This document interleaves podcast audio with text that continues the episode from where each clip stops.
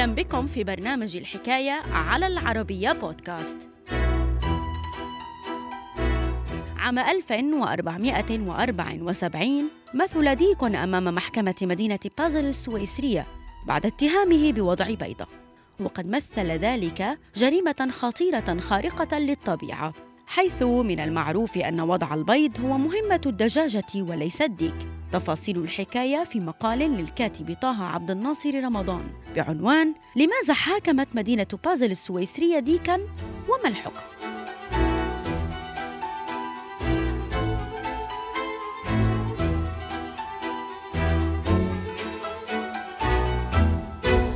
الحكاية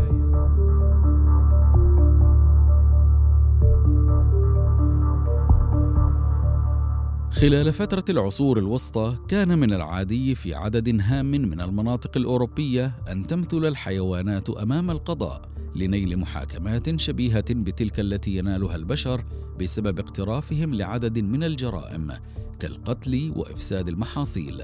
وبالتالي كان عاديا أن تسمع خلال تلك الفترة عن مثول حصان أو بقرة أو خنزير أمام القضاء وصدور حكم بسجنه أو إعدامه.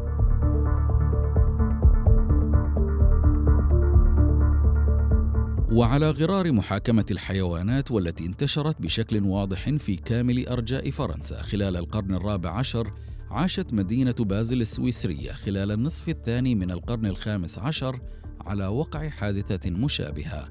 ففي حدود سنة 1474 مثل أمام قضاء مدينة بازل ديك بعد أن وجهت إليه تهمة خطيرة. خلال فترة استعرت خلالها عملية مطاردة الساحرات بأوروبا مثل أمام محكمة مدينة بازل السويسرية سنة 1474 ديك بعد اتهامه بوضع بيضة وقد مثل ذلك جريمة خطيرة خارقة للطبيعة حيث من المعروف أن وضع البيض هو مهمة الدجاجة وليس الديك. وبالتزامن مع كل هذا لم توجد أي أدلة واضحة حول حقيقة وضع الديك لهذه البيضة ولكن ذلك لم يمنع قضاء مدينة بازل السويسرية من توجيه تهمة التعامل مع الشيطان واستعمال السحر لهذا الديك الذي تم اعتقاله داخل مزرعة مالكه.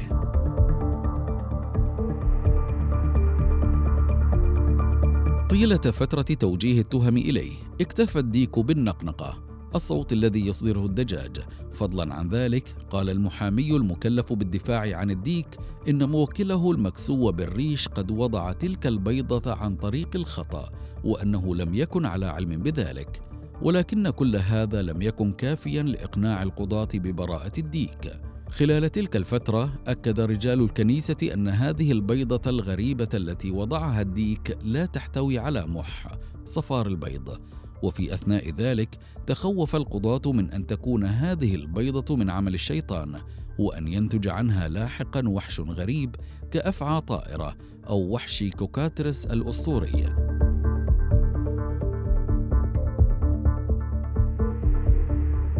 على إثر ذلك أدين الديك المسكين الذي اكتفى بالنقنقة طيلة فترة المحاكمة بتهمة التعامل مع الشيطان واستخدام السحر الأسود والشعوذة ولهذا السبب صدر في حقه حكم بالإعدام حرقا.